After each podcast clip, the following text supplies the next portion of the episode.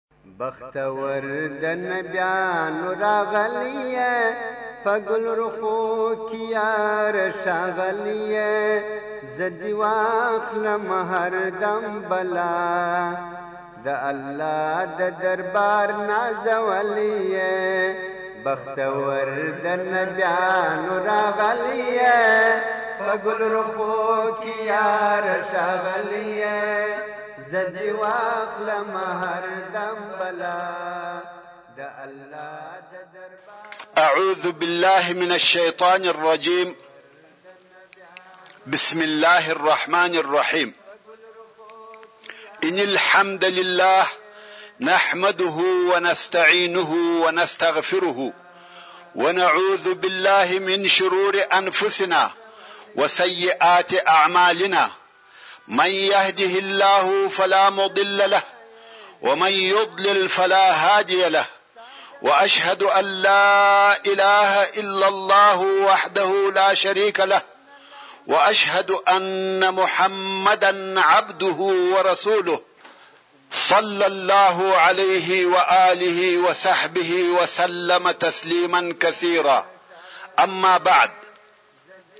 د سرور کائنات صلی الله علیه و آله وسلم ژوند السلام علیکم ورحمت الله وبرکاته محترمو ورونو په تیره کې موږ د بدر د جنګ او غزا ځینې عجب او نادر حالات یا واقعات بیانول چې په هغه جمله کې مو د زبیر ابن العوام رغدی الله تعالی عنه هغه واقعه بیان کړه چې هغه څوک یې چې سر تر پښو په اوسپنه پوښلی و، ووژی.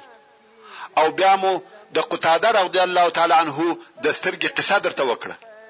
او درېیمه واقعه د عکاشه رغدی الله تعالی عنه د تورې وه.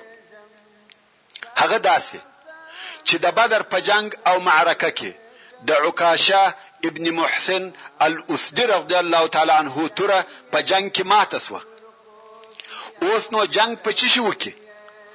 نو ورسول الله صلی الله علیه و آله وسلم ته ورغلی او ویل، یا رسول الله! هغه زما توره ماته شوه او اوس توره نه لرم. رسول الله صلی الله علیه و آله وسلم یو لرګی په لاس ورکړ. ویل یا عکاشه! په دغه جنګ کوه. کوم وخت چې عکاشه د رسول الله صلی الله علیه و آله وسلم څخه دغه لرګی واخیست او په لاس کې یې وښوراوه، د ده په لاس کې اوږده، پنډه، قوي، سپینه، ځلانده توره شوه او په دغه توره یې د جنګ تر آخره او د مسلمانانو تر نصرته جنګ وکړ او پر دغه توره یې د العون نوم کښېښاوه، یعنې کومک. عکاشه رضی الله تعالی عنه به دغه توره همېشه و هر جنګ ته ورسره وړه او جنګ به يې په کاوه تر څو چې د ابوبکر صديق رضی الله تعالی عنه په خلافت او د ردت په جنګو کې شهيد ووژل شو نو دغه توره هم د نبوت د معجزو څخه يوه معجزه وه. څلورمه واقعه، رسول الله صلی الله علیه و آله وسلم خپلو اصحابو ته وویل، که څوک د ابوالبختري ابن هشام سره مخامخ شوه، نه دې وژني، ځکه ابوالبختري هغه څوک وو چې په مکه مکرمه کې یې ورسول الله صلی الله علیه و آله وسلم ته هیڅ آزار نه و رسولی او رسول الله صلی الله علیه و آله وسلم دده څخه داسې کار نه و لیدلی چې دده علیه الصلوة والسلام دې ناخوښه وي. او ابوالبختري د هغو خلکو څخه وو چې هغه د قريشو د مقاطعې د ماتېدو سبب وګرځېده. ستاسې به قصه په ياد وي چې قريشو د مسلمانانو سره خرڅول او رانيول منع کړه يا په اوسنۍ اصطلاح بنديز يې پر ولګاوه، د هغې عهدنامې په ماتولو کې دغه ابوالبختري حصه واخيسته. نو دا د رسول الله صلی الله علیه و آله وسلم وفا وه چې د هغه وخت د نیکۍ بدله یې اوس ورکول او هغه کومک چې ابو البختري د مسلمانانو سره کړی وو مړانه وه نو رسول الله صلی الله علیه و آله وسلم د میړه سره مړانه کول د تیرو وختو نیکی په دغه مشغوله او سرګردانه ورځ کې په یاد وه او رسول الله صلی الله علیه و آله وسلم وفرمایل، زه پوهېږم چې د بني هاشم دغه ځینې خلق چې جنګ ته راغلي دي، دوی په ناخوښي سره دغه جنګ ته راوستل شوي دي، دوی زموږ سره د جنګ کولو هیڅ ضرورت نه درلود، نو که څوک په جنګ کې د بني هاشم سره مخامخ شي نه دې وژني او که څوک د عباس ابن عبدالمطلب سره مخامخ شو نه دې وژني، ځکه هغه په زور راوستل شوی دی. هلته یو صحابي وو چې نوم یې ابو حذیفه وو او د هغه عتبه زوی او د هغه شیبه وراره او د هغه ولید ورور وو چې د جنګ په شروع کې په مبارزه کې ووژل شو. ابو حذیفه چې پخوا لا مسلمان شوی وو او هجرت یې کړی وو او اوس په بدر کې د مسلمانانو سره دی، کوم وخت چې د رسول الله صلی الله علیه وآله وسلم دغه امر وده ته ورسېدی چې عباس مه وژنئ، یوه سخته جمله یې وویل. که څه هم دا جمله یې مخامخ ورسول الله صلی الله علیه و آله وسلم ته نه وویل، خو څرنګه چې د رسول الله صلی الله علیه و آله وسلم اوامر د څو نفرو په واسطه شاوخوا و ټولو مسلمانانو ته رسول کېده، نو کوم وخت چې ابو حذیفه ته دا امر ورسېدی چې عباس مه وژنئ، ابو حذیفه ویل، عجبه ده! عتبه وژل کیږي، موږ خپل پلرونه او خپل وروڼه، خپل اکاګان او خپل قوم وژنو او عباس پریږدو؟ په والله که د عباس سره مخامخ شوم پر مخ به یې په توره ووهم. دا خبر ورسول الله صلی الله علیه وآله وسلم ته ورسیدی چې حذیفه دغسې وویل.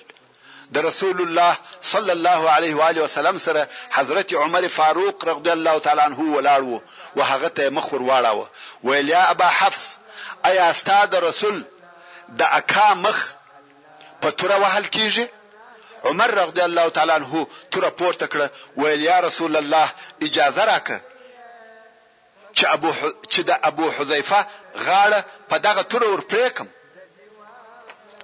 په والله ابو حذیفه منافق سو رسول الله صلی الله علیه و آله وسلم و فرمایل یا پرېږده یا عمر په ورسته کې ابو حذیفه رضی الله تعالی عنه و رسول الله صلی الله علیه و آله وسلم ته عذر وکي ویل یا رسول الله والله نه يم خبر چې څنګه مې دا جمله تر خوله ووته دا خبره مې بې فکره تر خوله ووته.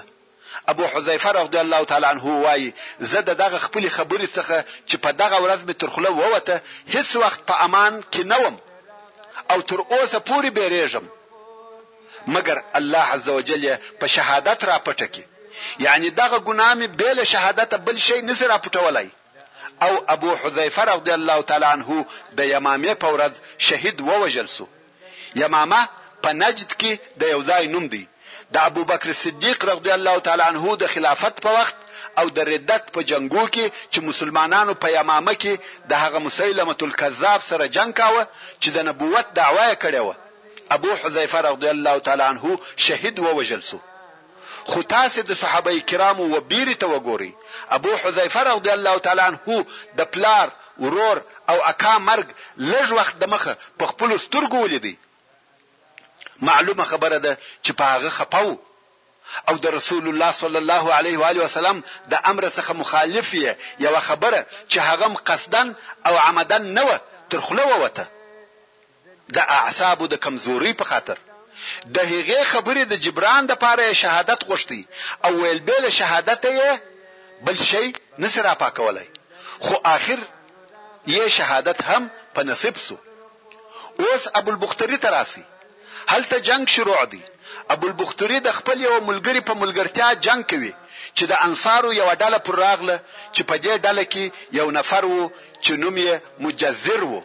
مجذر پر ږغ کړه ویل یا ابا البختري لرې سه ځکه رسول الله صلی الله علیه و آله وسلم موږ ستا د وژلو څخه منع کړي یو ابو البختري ویل او دا زما ملګری مجذر ویل یا والله موږ ستا ملګری نه پریږدو ستا د ملګري د وژلو څخه نه يو منع شوي فقط ستا د وژلو څخه منع شوي يو. ابوالبختري ويل، نو په والله زه او ملګری به دواړه يو ځای وژل کيږو. مجذر ويل، زه ستا سره کار نه لرم مګر ستا د ملګري سره حساب لرم. مجذر د ابوالبختري پر ملګري حمله وکړه مګر ابوالبختري د مجذر سره جنګ شروع کړ. مجذر د خپل ځان څخه پورې واهه، غواړي چې ملګری يې ووژني، مګر ابوالبختري غواړي چې مجذر ووژني. بيا هم په مجذر پورې مښتی دی او کوښښ کوي چې واری پر وکړي. مجذر د خپل ځان د دفاع په سبب مجبور شو ابوالبختري يې وواهه او ويې وژي. او وروسته مجذر ورسول الله صلی الله علیه و آله وسلم ته راغلی او عذر يې کاوه. ویل، یا رسول الله! والله ما نه وژی مګر قریبه وه چې ما ووژني، ده نه پرېښوولم. کم وخت چې پوه شوم چې نه مې پرېږدي او وژني مې نو مې وواهه او و مې وژی. رسول الله صلی الله علیه وآله وسلم په دغه عذر ځنې راضي شو. دا هم د رسول الله صلی الله علیه وآله وسلم د امر پر اطاعت د صحابه کرامو د حرص یوه نمونه وه. پنځمه واقعه، د بدر د جنګ د عجیبو واقعو څخه یوه هم هغه واقعه ده چې د عبدالرحمن ابن عوف رضی الله تعالی عنه او امیه ابن خلف په مابین کې پېښه شوه. عبدالرحمن ابن عوف رضی الله تعالی عنه او امیه ابن خلف د جاهلیت په وختو کې په مکه مکرمه کې دوه خواږه ملګري او اشنایان وه. خیر قصې ته راسه. د بدر په ورځ پس له جنګه څخه امیه ابن خلف او زوی یې چې علي نومېدی د جنګ په میدان کې ولاړ دی. اوس خو کفار د میدان جنګ څخه تللي دي او میدان خالي دی مګر امیه ابن خلف او زوی یې ولاړ دې. دا هم په دې سبب چې امیه چاغ او پنډ سړی وو. ځغستلای خو نه شي حتی سپرېدلای لا هم نه شي چې ولاړ شي او وتښتي. نو پوه شو که وتښتم وژل کېږم. نو یې نیت د تسلیمېدو وکړي او وایي، باید و داسې چا ته تسلیم شم چې هغه مې وساتلای شي. په دغه وخت کې عبدالرحمن ابن عوف رضی الله تعالی عنه د جنګ په میدان کې د کفارو پاتې شیان، غنیمتونه، ټولوي او د امیه و منطقې ته ورنږدې شو.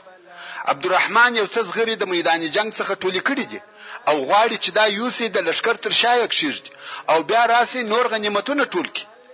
ځکه د کفارو لښکر وتښتېدی او خپل ورسره سامانونه یې ټوله پر میدان غورځولي دي. په دغه وخت کې چې زغري ورسره دي، پر امیه ابن خلف ورغلی. امیه ورنارې کړه، یا عبد ود!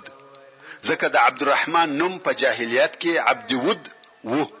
عبدالرحمن جواب ورنکړ، ځکه د مخه تر هجرت چې دوی په مکه مکرمه کې وه که به چا د عبد ود په نامه ور نارې کړه ده جواب نه ورکاوه او ویل به زه عبدالرحمن یم کفارو بیا ورته ویل موږ رحمن نه پیژنو نو موږ عبدالرحمن نه درته وایو بلکې عبد ود درته وایو ده بیا ورته ویل که تاسې عبد ود راته ووایاست زه بیا جواب نه درکوم. بیا یې پر دې اتفاق او فیصله وشوه چې د عبدالاله په نامه به درته وایو. نو اوس امیه ورنارې کړه، یا عبدود! عبدالرحمن رضی الله تعالی عنه وایي، ما د پخواني عادت سره سم جواب ورنه کړ. امیه چې تر اوسه خپله اسلحه ورسره ده، زغره یې اغوستې ده، بیا ورنارې کړه. یا عبدالاله عبدالرحمن رضی الله تعالی عنه وایي ما ورته وویل ها څه وایې امیه ویل تر دغه زغرو ښه شی نه غواړې زه تر دغه زغرو چې ستا سره دي ښه او بهتر یم پر ما داسې ورځ نه ده راغلې لکه نن ایا تاسې و شیدو ته ضرورت نه لری؟ یعنی که ما بندی ونیسې زه به په خپله فدیه کې داسې اوښانې درکړم چې ډېرې شیدې کوي. عبدالرحمن وایي، ما چې فکر وکړ رښتیا هم دوی تر زغرو ښه وه. ولې دوی تر زغرو ښه وه؟ ځکه هر چا چی هر څوک اسیر نیولی وای او د هغه اسیر په بدله کی چی چی به بیا هر شی په فدیه کی راغلی وای هغه به د هغه اسیر د خاوند وو دا د پخوانیو جنګو قانون وو نو عبدالرحمن وایی زغری می وغورځولې او دوی می تر لاس ونیول رهی می کړه عبدالرحمن رضی الله تعالی عنه وايي، زه د امیه او د ده د زوی په مابین کې رهي وم چې امیه پوښتنه راڅخه وکړه، ویل، په تاسې کې هغه سړی څوک و چې د نعامې بڼکې یې پر ځیګر ایښې وې؟ وروڼو! نعامه یو د اوبو لوی مرغه دی او حمزه رضی الله تعالی عنه به په جنګ کې د دغه مرغه بڼکې پر خپل ځیګر ایښوولې چې په هغه سره به معلوم او نښاني و. نو امیه وایي، په تاسې کې هغه سړی څوک وو چې د نعامې بڼکې یې پر ځیګر ایښې وې؟ ما ویل، هغه حمزه ابن عبدالمطلب وو. امیه ویل، دغه سړي په موږ دغه کارونه وکړ. عبدالرحمن وایي، دوی مې تر لاس نیولي دي او دوی بې له تکلیفه او جنجاله زما سره رهي دي، چې بلال رضی الله تعالی عنه په مخه راغلی او امیه ابن خلف هغه څوک دی چې په پخوا کې د بلال مالک وو.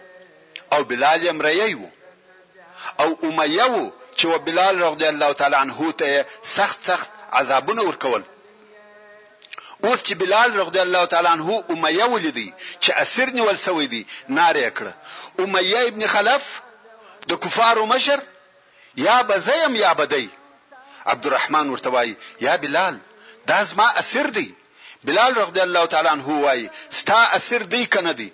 والله ژوندی یې نه پرېږدم. عبدالرحمن رضی الله تعالی عنه وايي، دا خبرې پرېږده، دا زما اسیر دی. بلال ولیده چې عبدالرحمن یې نه راپرېږدي، نو یې په لوړ آواز نارې کړه، یا انصار الله! د کفر رئیس امیه ابن خلف، هغه چې په مکه مکرمه کې یې ما ته عذابونه او آزارونه راکول،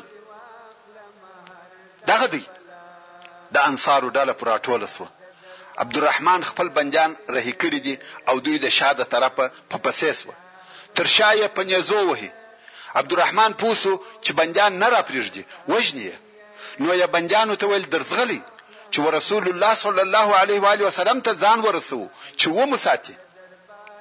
مګر امیه چاغ دی نه شي ځغستلای او عبدالرحمن یې کشوي هیڅ نه کیږي انصار په پسې دي وهیه عبدالرحمن ودریدی انصارو ته یې مخ ور واړاوه ویل مه کوئ دا زما اسیر دی کار مه پلرئ مګر بلال رغدی الله تعالی عنه بیا وایي دا هغه سړی دی چې زما سره یې داسې او داسې کول هغه وهل او عذابونه بیانوي غواړي چې انصار په قهر کې انصار هم د بلال رضی الله تعالی عنه پر طرف دي وايي دا سړی نه بندي کيږي دی باید ووژل شي عبدالرحمن وايي یوه سړي د شا د طرفه د امیه زوی په توره پر پښه وواهه هغه غوځار شو او ولوېدی امیه دونه لو چغه وکړه چې ما په خپل ژوند نه وه اورېدلې ما ویل ته پر هغه مه ژاړه خپل ځان دې خلاص که په والله زه ستا د پاره هیڅ نه شم کولای او اوس عبدالرحمن رضی الله تعالی عنه پوه شو چې دوی د امیه د وژلو قصد کړی دی او نې پریږدي نو ویل یا امیه پر مځکه اوږد پریوځه هغه هم پریوتی عبدالرحمن سربیره پر پریوتی غواړي چې په دغه طریقه یې د تورو او نیزو د وهلو څخه وساتي. او بیا هم دغه وایي چې دا زما اسیر دی کار مه پلرئ او بلال رضی الله تعالی عنه نارې وهي مړ یې کړئ مړ یې کړئ حتی تر ده لاندې یې مه پرېږدئ یو د دې خوا توره ور اوږده کې بل د ها خوا د نیزې څوکه په جګه کې دغه وارونه دې د هره طرفه پر کیږي په دغه حالت کې د عبدالرحمن و پښې ته هم یو واری ور ورسېدی او د هغه پښه هم زخمي شوه او اخر یې په دغه وهلو کې امیه ابن خلف ووژی. د هغه امیه ابن خلف چې بلال رضی الله تعالی عنه ته یې قسم قسم زحمتونه ورکړي وه مرګ پر دغه قسم وو چې د هره طرفه تورې په ننوتلې د تورو او نیزو په څوکو ووژل شو. اوس نو عبدالرحمن رضی الله تعالی عنه د امیه تر مرګ وروسته ولاړ شو. او ویل، الله دي بلال ته بخښنه وکړي، زغري هم راڅخه ولاړې او بندي مې هم ووژل شو، ځکه هغه زغري چې ده ټولې کړې وې هغه د ده وې، هغه یې د بندي په سبب پرېښولې او بندي یې بلال رضی الله تعالی عنه ور ووژی، نو ځکه ویل یې، غفر الله لبلال راحت علی ادرع وراح علی الاسیر. دا د هغه سرکښه او اسلام دښمن امیه ابن خلف آخري حالت وو. شپږمه واقعه، حضرت عمر ابن الخطاب رضی الله تعالی عنه په دغه ورځ خپل ماما چې عاص ابن الهشام ابن المغیره نومېدی ووژي. ښه متوجه شئ، د عقیدې اختلاف قرابت د منځه وړي. اوومه واقعه، او د هغو کسانو په جمله کې، چې بندیان ونیول شو یو هم عباس ابن عبدالمطلب د رسول الله صلی الله علیه و علیه وسلم اکاو چا ونیوی دلته دوه روایت دي څوک وایي یو انصاری ونیوي څوک وایي عبد الله ابن مسعود رضی الله تعالی عنه ونیوي قصه یې یو ده خو په هغه چا کې اختلاف دی چې دی بندي راوستی موږ به هغه روایت بیان کو چې عبدالله ابن مسعود رضی الله تعالی عنه بندي راوستی اوس نو عباس جګ برداره او غټ سړی دی خو عبدالله ابن مسعود رضی الله تعالی عنه کوچنی ډنګر او ضعیف سړی دی خلق ورته ګوري ډیر عجب منظر دی عبد الله ابن مسعود رضی الله تعالی عنه د عباس لاسونه شاته نیولې دي او دای مخ ته پوري وهي تر مخ یې ډېر لوی او غټ سړی رهي دی او تر شا کوچنی، ضعیف، ډنګر سړی په پسې دی او پورې وهي یې. خلق په تعجب کې دي چې دغه غټ سړی څنګه و دغه کوچني سړي ته تسلیم دی. یوازې دا نه چې تسلیم دی، بلکې د هغه په نیولو او پورې وهلو خوږېږي هم. په تکلیف رهي دی. د درد او زحمت علامې یې پر مخ ښکاره دي. څو د بندیانو ځای ته یې راوستی. خلق پر عبدالله راټول شوه. رسول الله صلی الله علیه و آله وسلم هم ولاړ دی خلق و عبدالله ته وایي یا ابن مسعود دا غټ سړی دې څنګه اسیر او څنګه ونیوی عبدالله وایي ما تر لاس ونیوی او دی تسلیم سو بس دغونه و زما نیول او د ده تسلیمېدل و بیا نو خلقو د عباس رضی الله تعالی عنه څخه پوښتنه وکړه ویل یا عباس و دغه ډنګر ضعیف سړی ته څنګه تسلیمېدې عباس ویل، والله چې زۀ تر لاس ونیولم پر خپل لاس وبېرېدم چې رامات بۀ کړي، دونه قوت ورسره ؤ. رسول الله صلی الله علیه وآله وسلم ومسل او وې فرمایل، یا ابن مسعود! پام کوه چې په ځان خطا نه وځې او دا فکر ونه کړې چې زه قوي یم، د ده په نیولو کې ملائکو کومک درسره وکړ. دا ته نه وې چې دی دې ونیوی، بلکې دا ملائکه وه چې دی یې اسیر کړ. مقصد دا چي ملائکو حتی د بندیانو په نیولو کي هم ګډون کړی دی. اتمه واقعه، د جنګ تر ختمېدو وروسته مصعب ابن عمیر رضی الله تعالی عنه په میدان جنګ کي ګرځېدی، ویې لیده چي یو انصاري د ده د ورور ابو عزیز چي د مشرکانو په لښکر کي وو او د مسلمانانو په مقابل کي جنګېدی لاسونه ورتړي. یعنی د عمیر رضی الله تعالی عنه ورور ابو عزیز یوه انصاری بندی نیولی دی او لاسونه یې ورتړي. مصعب ابن عمیر رضی الله تعالی عنه و انصاری ته وویل، ټینګ یې ونیسه. د ده مور د مال او دولت خاونده ده، شاید چې د ده په مقابل کې ښه فدیه درکړي.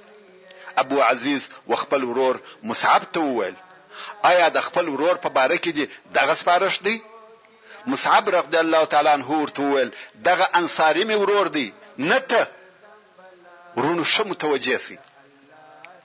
نهمه واقعه، کوم وخت چې مسلمانانو کفار بندیانول، رسول الله صلی الله علیه و آله وسلم په عرش کې ناست و او سعد ابن معاذ رضی الله تعالی عنه توره په لاس د عرش په دروازه کې د رسول الله صلی الله علیه و آله وسلم د ساتنې لپاره ولاړ و. رسول الله صلی الله علیه و آله وسلم د سعد ابن معاذ رضی الله تعالی عنه په مخ کې د ناخوشۍ علامې ولیدلې چې د مسلمانانو په دغه کار نه راځي چې کفار بندیان نیسي نو رسول الله صلی الله علیه و آله وسلم ورته وفرمایل یا سعد لکه د قوم په دغه کار چې نه راځي سعد رضی الله تعالی عنه وویل، هو یا رسول الله! دا هغه اول شکست وو چې الله عزوجل و مشرکانو ته ورکړ، نو په دغه جنګ کې د مشرکانو وژل ماته تر دې خوښ وه چې ژوندي پاته شي، یعنې نه بې بندیانولای بلکې وژلای بې. لسمه واقعه، د بدر د جنګ په ورځ یو صحرایي عرب چې نوم یې قباف ابن اشم وو، دغه د بدر په منطقه کې موجود وو، کوم وخت چې یې لښکرې ولیدې پوه شو چې جنګ کیږي، نو د هلته پر یوه غونډۍ د سیل لپاره ورته کښینست. وایي د بلغم نیم اختر دی، قباف په جنګ کې ګډون نه دی کړی، ځکه دی د یوه طرف څخه نه وو، فقط سیلبین او تماشاچي دی. وروڼو تاسې پوهېږئ چې د بدر د جنګ څونه وخت او موده په بر کې ونيول؟ فقط دوه ساعته! دا ټوله غزا دغه لوی نوم فقط دوه ساعته وه! نه ورځې وې نه هفتې بلکې دوه ساعته وه! نو قباف فکر کاوه چې دا جنګ به اوږد جنګ وي او دا يې خيال او ګمان وو چې د مسلمانانو لښکر ماتېږي ځکه د مسلمانانو شمېر نسبت و کفارو ته ډېر لږ وو. کفار زر نفره دي او مسلمانان درې سوه نفره دي نو ناست دی او د مسلمانانو د شکست انتظار کوي خو هغه دوه ساعته وروسته کفار په تېښته شوه نو قباف د ځان سره خبري کوي وايي والله ما په ژوند داسې عجبه نه وه ليدلې داسې ځغلي لکه ښځې. په دوه ساعته کې کفار تیت او پرک شوه. دا په تاریخ کې هغه کوتاه ترین جنګ دی. دغه قباف ابن اشم هغه وخت هغه وخت نه و مسلمان خو بیا په وروسته کې د خندق یا د حدیبیې تر غزا وروسته مدینې منورې ته د اسلام راوړلو دپاره ولاړی. مګر د مخه تر دې چې مسلمان سي غواړي چې د مسلمانانو حال ځان ته معلوم کړي چې څنګه خلق او څنګه اخلاق یې دي دی ناست دی خپل کشفیات او معلومات کوي چې رسول الله صلی الله علیه و علیه وسلم ورغخ کړه یا قباف د ویل ها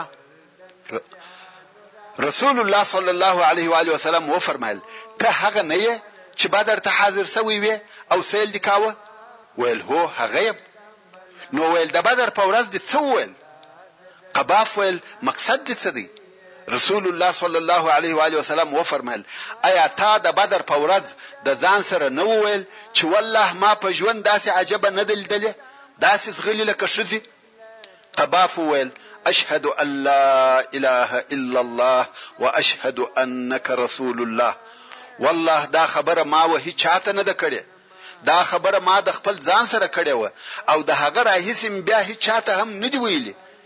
دا عجبه ده. ما څو کاله د مخه د خپل ځان سره یوه خبره کړې وه او ته هغه خبره اوس راته بیانوې؟ دا بې له نبي څخه د بل چا کار نه دی. قباف ایمان راوړی او مسلمان شو. د بدر جنګ په دغه چټکي او په دغه عجبه طريقه پای ته ورسېدی، نه شپې وې نه ورځې، فقط په دوه ساعته کې دغه جنګ د کفارو په ډېر بد شکست او د مسلمانانو په واضحه او ښکاره کاميابۍ پای ته ورسېدی. په بدر کې د مسلمانانو شهيدان ټوله څوارلس نفره دي، چې شپږ نفره يې مهاجرين دي او اته نفره انصار دي. او نومونه یې په دې ډول سره دي، اول، عبیده ابن الحارث ابن عبدالمطلب، د رسول الله صلی الله علیه و آله وسلم د اکا زوی او په داسې حال کې وفات شو چې باړخو یې د رسول الله صلی الله علیه و آله وسلم پر پښه پروت و. کوم وخت چې روح ووتی رسول الله صلی الله علیه و آله وسلم وفرمایل اشهد انک شهید زه شاهدي ادا کوم چې ته شهيد يې. دوهم، عمير ابن ابي وقاص، دريم، ذو الشمانين ابن عبد عمر، څلرم، عاقل ابن البکير، پنځم، مهجع مولا عمر ابن الخطاب، شپږم، صفوان ابن بيضاء، دا شپږ نفره مهاجرين وه او د انصارو څخه اول سعد ابن خيثمه، مبش، دوهم مبشر ابن عبدالمنذر، دريم يزيد ابن الحارث، څلرم عمير ابن الحمام، پنځم رافع ابن المعلا، شپږم حارثه ابن سراقه، اووم او اتم عوف او معاذ، د عفراء زامن رضی الله تعالی عنهم اجمعین اوس چې جنګ خلاص سو رسول الله صلی الله علیه و آله وسلم په میدان جنګ کې ووژل سو کسانو ته ودرېدی او وی فرمایل تاسو د خپل نبی د پاره بد قوم واست تاسو زه درواغجن وبللم او خلقو می تصدیق وکي تاسو پریښولم او خلقو می کومک وکي تاسو زه د خپل شاره و ایستلم او خلقو ځای راکي بیا نو رسول الله صلی الله علیه و آله وسلم امر وکړ چې دغه د کفارو مړي کش کړئ او یو څاه ته یې واچوئ. هلته د کفارو د لښکرو ځای ته نږدې یو وچ څاه و. ویل دغه مړي ور کش کړئ او دغه څاه ته یې واچوئ. نو د کفارو مړي یو یو راټول کړه شوه او دغه څاه ته یې ور اچول. ابو جهل، عتبه، شیبه او داسې نور چې ټول د مکې مکرمې د مشرکانو مشران وه څاه ته ور واچول شوه. کوم وخت چې عتبه ابن ربیعه د ابو حذیفه رضی الله تعالی عنه پلار د څاه خوا ته کش کړ شو، رسول الله صلی الله علیه و آله وسلم د ده د زوی ابو حذیفه رضی الله تعالی عنه مخ ته وکتل، د هغه په مخ کې یې غم او تغیر ولید. رسول الله صلی الله علیه وآله وسلم ورته وویل، یا ابا حذیفه! شاید ستا د پلار د دغه حاله څخه ستا په زړه کې یو شی درګرځي. ابو حذیفه ویل، یا والله یا رسول الله! زه د خپل پلار په وژل کېدو هیڅ نه یم خپه شوی، خو صرف ما ته زما د پلار هوښیاري، حلم او فضیلت را معلوم و، زما دا امید و چې دغه شیان به و اسلام ته هدایت کړي. خو کوم وخت چې ما د ده وژل کېده ولیده او دا را په یاد شوه چې دی پر کفر مړ شو، دا د هغه څخه مخالف و چې ما د ده لپاره غوښته دغه غمجن کړم. رسول الله صلی الله علیه و آله وسلم و ابو حذیفه ته د خیر دعا وکړه او د خیر خبرې یې ورته وکړې او بیا چې مسلمانان راغله او غواړي چې امیه ابن خلف کش کړي، هغه امیه چې حضرت بلال او نورو انصارو وژلی وو. سبحان الله په دغه لږ وخت کې یې بوی کړی وو، پړسېدلی وو، صحابه کرام غواړي چې کش یې کړي مګر دی د کشولو قابل نه وو، غوښې یې تویېدې، شړېدلی وو. رسول الله صلی الله علیه وآله وسلم وفرمایل، پرېږدئ. نو یې پر دغه ځای ډبرې پر ور وغورځولې او په ډبرو کې یې پټ کړئ. نه قبر پر جوړ سو نه څاه ته واچول سو سربېره پر مځکه په ډبرو کي پټ سو. اوس به د جنګ و بندیانو ته راسو. رسول الله صلی الله علیه و آله وسلم د جنګ په بندیانو کي چي اویا نفره وه وکتل. په بندیانو کي یې دوه نفره ولیده چي د رسول الله صلی الله علیه و آله وسلم ډېر لوی دښمنان وه.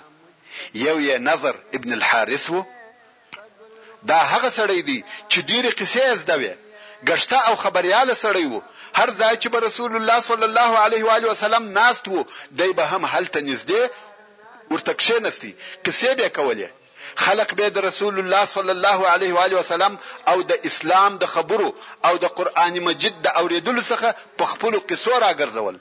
او د قصو په پای کې بې ویل، څوک وایي چې محمد صلی الله علیه و آله وسلم تر ما بهتر دی؟ زما او د ده څه فرق دی؟ زما خبرې هم پخوانۍ قصې دي او د ده خبرې هم پخوانۍ قصې دي. او په قرآن مجید کې چې هر ځای د اساطیر الاولین لفظ راغلی دی، هغه د دغه نضر بن الحارث د دغې وینا رد او جواب دی.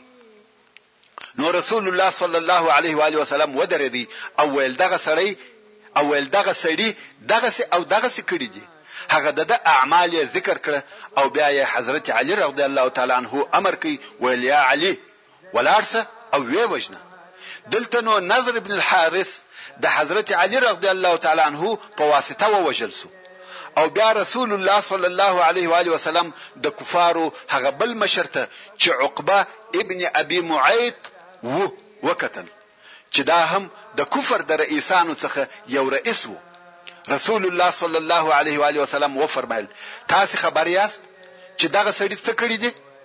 رسول الله صلی الله عليه وآله وسلم د ده د عمل په بيانولو شروع وکړه او وې فرمايل، دا هغه څوک دی چي ما د کعبې شريفي سره لمونځ کاوه او ده زما پر سر د اوښ کولمې کښېښولې. او بیا بله ورځ ما د کعبې شریفې سره لمونځ کاوه او ده زما پر غاړه پښه کښېښول او دغه پښه یې زما پر غاړه په دونه زور او قوت کښېکښه چې ما مرګ ولیدی، قریبه وه چې و مې وژني، دلته نو عاصم ابن ثابت رضی الله تعالی عنه ور ولاړ شو او عقبه ابن ابي معیط یې ووژی او دی یې هم هغه د ده د ملګرو و څاه ته ور کش کړ. که څه هم ده د مرګ په وخت کې نارې وهلې چې ما ولې وژنئ، زه هم یو بندي یم، ټول بندیان پاتې دي او ما وژنئ، بندي نه وژل کېږي. مسلمانانو ویل، یا، ته هغه سړی یې چې داسې او داسې دې کول، تا په خپله دغه غوښته. دغه دواړه کسان د حرب مجرمین بلل کېده. نو د بندیانو څخه دغه دوه نفره ووژل سوه او وهغه څاه ته ورواچول سوه او د بندیانو په جمله کي یو هم سهیل ابن عمر وو دغه سهیل خطیب، شاعر او قوال سړی وو او د مسلمانانو شدید دښمن وو همیشه به یې د اسلام او مسلمانانو پر ضد اشعار ویل او بیانیې به ورکولې، کوم وخت چې عمر ابن الخطاب رضی الله تعالی عنه دغه سهیل د بندیانو په ډله کې ولیدی نو ویل، یا رسول الله دغه سهیل هغه د کفارو خطیب دی، اجازه راکړه چې ویې وژنم، رسول الله صلی الله علیه وآله وسلم وفرمایل، پرېږده یا عمر!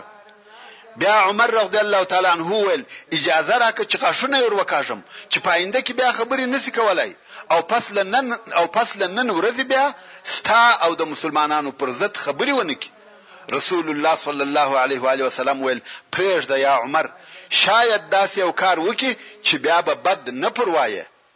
او واقعا دغه سړی بیا په وروسته کې مسلمان شو او او اسلام یې هم په صدق او اخلاص سره وو د رسول الله صلی الله علیه و آله وسلم تر رحلت وروسته کوم وخت چې خلق مرتد شو او د دینه واوښته د مکې مکرمې خلق هم قریبه وه چې دین پریږدي او د اسلامه څخه واوړي مګر هغه څوک چې اهل مکه یې د کفر او مرتد کېدو څخه را وګرځول او پر اسلام ثابت پاته شوه دغه سهیل ابن عمر وو، پاکي دې هغه ذات لروي چې د خلقو په حالاتو کې تغیر راولي. د ابو طلحه رضی الله تعالی عنه څخه روایت دی چې د رسول الله صلی الله علیه و آله وسلم دا عادت وو، پر کوم قوم چې به غالب او کامیاب شو هلته به یې درې شپې تېرولې، نو کوم وخت چې به نو کوم وخت چې په بدر کې یې درېیمه ورځ وه، امر یې وکړ چې زما اوښ راولئ او پر هغه یې خپل سامان وتړئ او رهي شو. اصحاب کرام په پسې دي څو د هغه څاه خولې ته ورغلي چې د کفارو د مشرانو مړي ور اچول شوي وه د څاه پر خوله ودرېدی او هر یوه ته یې د هغه په نامه او د پلار په نامه ور نارې کړه یا ابا جهل ابن هشام یا عتبه ابن ربیعه یا شیبه ابن ربیعه یا ولید ابن عتبه یا ابو البختری ابن هشام یا عقبه ابن ابي معيط یا نظر ابن الحارث د یوه یوه نوم یادوي او په پای کې یې ټولو ته وویل، آیا هغه وعده چې ستاسې رب درسره کړې وه حق مو ولیده؟ ما خو هغه وعده چې زما رب راسره کړې وه حق ولیده.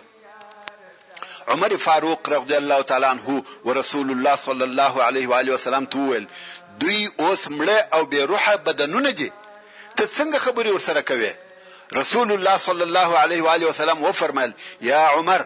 والله زما خبرې تاسې تر دوی ښه نه اورئ مګر دوی جواب نشي راکولای یعنې څرنګه چې یې تاسې اورئ هغه قسم یې دوی هم اوري خو صرف فرق دا دی چې دوی جواب نشي راکولای وروڼو د الله عزوجل په اراده د کفر رئیسان په یوه وار ووژل شوه بیا نو رسول الله صلی الله علیه و آله وسلم مدینې منورې ته نفر ولېږل چې هلته مسلمانان په دغه فتح او کامیابي خبر کړي چې د دې تفصیل به وروسته درته بیان کړو او اوس به دا درته ووایم چې د کفارو د شکست خبر و مکې مکرمې ته څنګه ورسېدی مشرکان چې په جنګ کې مات شوه نو د بدر څخه په غیر منظم ډول سره تښتي هر یو ځان خلاصوي په ولو او شیلو کې سره وپاشل شوه او د مکې مکرمې پر طرف خوار او ذلیله یو یو وررهي دي او د شرمه څخه نه پوهیږي چې مکې مکرمې ته څنګه ورننوځي خو اول هغه څوک چې د قریشو د شکست خبر یې مکې مکرمې ته ورړي وروړي هغه حیثمان ابن عبدالله الخزاعي و دا نفر مکې مکرمې ته ورسېدی او هلته د پاته خلقو کله دا خیال وو چې قریش شکست خوري. خلقو چې د جنګ د حالاتو پوښتنه ځینې وکړه، دی د خلقو د خیال او نظر څخه مخالف خبرونه ورته وایي. وایي ابوالحکم ووژل شو، عتبه ووژل شو، ربیعه ووژل شو، امیه ووژل شو، فلانی، فلانی، فلانی، دغسې نومونه یادوي، ووژل شوه. پر له پسې نومونه یادوي، لکه د قریشو د سردارانو حاضري چې اخلي. دی اول نفر دی چې خبر یې راوړی، مګر خبر هېڅ معقول نه دی. که د قریشو د مشرانو څخه یو یا دوه نفره یاد کړي، ممکن داسې پېښه شوې وي، مګر په یوه وار ټول مشران دا هیڅ معقوله نه ده. فلانی فلانی فلانی د چا و زړه ته نه لویږي. صفوان ابن امیه د کعبې شریفې سره ناست دی او حیثمان د وژل شوو نفرو نومونه یادوي چې په هغو کې یې امیه ابن خلف چې د صفوان پلار دی هم یاد کړ. د صفوان دا و زړه ته نه لویږي چې زما پلار دې وژل شوی وي. نو صفوان ویل، د ده دماغ خراب شوی دی. د هر چا نوم چې پر خوله ورځي، هغه یادوي. تاسې پوښتنه ځینې وکړئ چې صفوان مړ و که ژوندی؟ یعنې تاسې زما پوښتنه ځینې وکړئ چې زه مړ یم که ژوندی؟ خلقو پوښتنه ځینې وکړه چې صفوان په مړو کې و که په ژوندو کې؟ حیثمان ویل، صفوان هغه دی د کعبې سره ناست دی او په والله ما د ده پلار او ورور ولیده چې ووژل شوه. نو د مکې مکرمې خلق پر درو حصو ووېشل شو، څوک وايي حيثمان درواغ وايي، څوک وايي رښتيا وايي او څوک په شک او تردد کې دي، څو هغه د جنګ تښتېدلي خلق يو يو رارسېږي، د مرګ او شکست خبر په مکه مکرمه کې نشرېږي. اوس نو خلک مجبور شوه چې دغه غمجن خبر ومني. پس له هغه څخه چې د مکې مکرمې ټول مشران ووژل شوه، ابو سفیان د مکې مکرمې مشر شو. دی شریف او سردار شو، ځکه نور ټوله مړه شوه. دی او ابو لهب دغه دوه نفره په مکه مکرمه کې مشران پاته شوه. نور ټول ځوانان دي.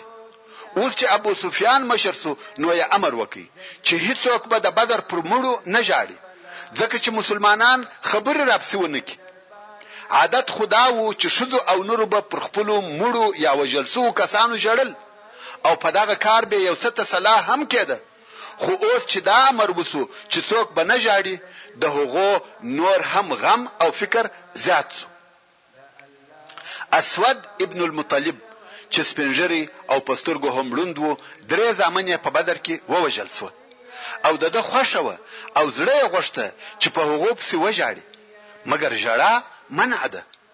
یوه شپه یې د یوې ښځې د ژړا آواز واورېدی، نو یې خپل مریی ولېږی چې ته ورشه وګوره، معلومات وکړه، لکه چې د ژړا اجازه شوې ده او ژړا حلاله شوه. ایا قریش پر خپلو وژل شوو کسانو ژاړي، نو به زه هم پر خپل زوی ابو حکیمه وژاړم، قسم دی چې دننه په زړه کې مې اور بل دی.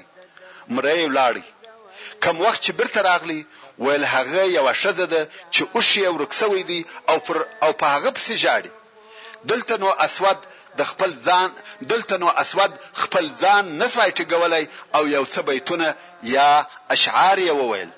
چې مقصد يې دا وو چې خلک پر ورک شوي اوښ پسې چې خلک په ورک شوي اوښ پسې ژاړي او موږ په وژل شوو انسانانو پسې نه شو ژړلای او داسې نور د زړه د درد اشعار او د ابو سفيان بل امر دا وو چې هيڅوک به د بنديانو فديه نه ورکوي چې راخلاص يې کړي ځکه که فديه ورکو په دې کار د همېش دپاره د مسلمانانو و موږ ته طمعه پيدا کېږي ابو لهب چې د رسول الله صلی الله علیه و آله وسلم اکا وو او د بدر جنګ ته نه وو تللی، دا هلته په مکه مکرمه کې پاته وو، دغه د جنګ د شکست خبر یې څنګه واورېدی او څه تاثیر یې پر وکړ؟ دا قصه به و ابو رافع مولا رسول الله صلی الله علیه و آله وسلم ته پرېږدو، ځکه هغه په خپله د دغه قصې یو جز دی. ابو رافع وایي. زه د عباس مريی وم او اسلام زموږ کورنۍ يعني د عباس کورنۍ ته را داخل شوی وو. عباس مسلمان شو. ام الفضل چې د عباس ښځه وه هغه مسلمانه شوه او زه مسلمان شوم. خو عباس خپل اسلام پټاوه او ابولهب چې جنګ ته نه وو تللی، کوم وخت چې د مشرکانو د شکست خبر ورته راغلی، الله عزوجل کښته او ذلیل کړ او موږ په خپلو ځانو کې قوت او عزت حس کړ. ابو رافع وايي، زه ضعیف سړی وم او غشي مې جوړول، نو د عباس په کور کې په هغه خپله کوټه یا خونه کې ناست وم، خپل غشي جوړوم. ام الفضل چې د عباس ښځه ده هغه هم راته ناسته ده او په دغه خبر چې مسلمانان کامیابه شوه او کفارو شکست وخوړی ډېر خوشحاله یو. که ګورو چې ابولهب چې د شر علامې پر ښکاره دي راغلی او دالته په دغه کوټه کې راته کښېنستی. شا یې زما و خواته ده. دی غواړي چې د ام الفضل څخه معلومات وکړي او په دغه باره کې خبرې ورسره وکړي. په دغه وخت کې د خلقو ږغ او نارې شوې چې دغه دی ابو سفیان ابن الحارث ابن عبدالمطلب د جنګ څخه راغلی. دغه ابو سفیان د رسول الله صلی الله علیه و آله وسلم د اکا زوی د ابو لهب وراره او مشرک وو. ابو لهب ورته ویل، دلته راشه، قسم دی چې ستا سره به د جنګ خبرونه وي. ابو سفیان و ابو لهب ته کښېنستی او خلک شا و خوا ورته ولاړ دي. ابو لهب ورته وايي، اې وراره! بیان راته وکړه، خلقو ته څه پېښه شوه؟ ابو سفیان وايي، موږ چې د قوم سره مخامخ شوو، بل څه نه وه، بس ځانونه مو ور تسلیم کړل، څنګه چې د دوی خوښه وه، هغسې یې وژلو او هغسې یې بندیانولو. ابو لهب ورته وايي، په جنګ کې چا ډېر په عذاب کړاست؟ ابو سفیان وايي، هغه چې موږ ته یې ډېر تکلیف راکړ یو نفر و چې پر ځیګر یې د نعامې بڼکې ایښې وې. هغه هغه ډېر نفر راپکښې مړه او زخمیان کړه. هغه داسې کارونه راوکړه چې چا په چا نه دي کړي. ابولهب وايي، دغه نفر څوک وو؟ ابوسفیان وايي، موږ چې بیا وروسته پوښتنه وکړه، هغه حمزه ابن عبدالمطلب وو. ابولهب ویل، نو شکست مو ولې وخوړی، تاسو خو ډېر او پوره اسلحه درسره وه. ابو سفیان ویل، زه خلق نه ملامتوم، ځکه هلته نور داسې خلق راغله چې سپین کالي یې اغوستي وه او پر ابلقو، آسانو، سپاره وه، په والله هیڅوک یې مخته نه شوای درېدلای او چا یې طاقت نه درلودی. ابو رافع وایي، ما سر راپورته کړ او ومې ویل، والله هغه ملائکې وې. ابو لهب مخ راواړاوه، یوه ټینګه چپلاخه یې پر مخ راسره کړه، ویل، ته هم د هغو ملګری یې؟ ابو رافع وايي، ما هم ور حمله کړه، خو څرنګه چې زه ضعیف وم، ده پورته کړم او د مځکې یې ووهلم او پر ځیګر مې کښېناست، وهي مې. ام الفضل، ابو لهب راڅخه کشوي، خدۍ مې نه ایله کوي، په وینو یې ولړلم. ام الفضل چې د عباس رضی الله تعالی عنه ښځه وه، مجبوره شوه، یو لرګی یې راواخیست، ابو لهب یې پر سر وواهه. د ابو لهب سر یې ور مات کړ او ویل، ضعیف دې ولیدی او خاوند یې هم نشته؟ ابو لهب هم چې تر سر یې وینې بهیدلې ذلیل ولاړ شو او زه یې پریښولم. ابو رافع وایي، په والله ابو لهب تر اووه ورځې زیات نور ژوند ونه کړ. اوس چې ابو لهب خپل کور ته زخمي او غمجن ولاړی، هلته یې نور هم مرض پسې زیات شو. هغه غم او دا مریضي چې سره یو ځای شوه، نو یو بل مرض یې وزېږاوه چې په عربي کې ذات الجنوب یا ذات الجنب ورته وايي او څوک وايي د عدسه په مرض اخته شو چې دغه دواړه مرضونه هلاکوونکي وه او عربو هم ډېر بد ځني وړه. ساري مرضونه یې بلل، نو خلق هم د مرض د بیري نه ور نږدې کېده، حتی خپلو اولادو هم پرېښاوه نه ورتله، ځکه د مرض د اخیستلو څخه بېرېده. څوک وايي تر بدر دوې ورځې وروسته او څوک وايي یوه هفته وروسته تر بدر مړ شو، نو ابولهب په داسې مرضي مړ شو چې خلق یې پوښتنې ته هم نه ورتله، حتی پس له مرګه یې اولادونه د ښخېدو د پاره نه ور نږدې کېده. په هغه خونه کې پروت و څو وپړسېدی او بوی یې وکړ. خلقو د هغه و زامنو ته پېغورونه ورکول چې پلار مو بې له ښخېدو پرې اېښی دی. زامنو یې ویل، موږ د مرض د بېرې څخه نه شو ورنږدې کېدلای.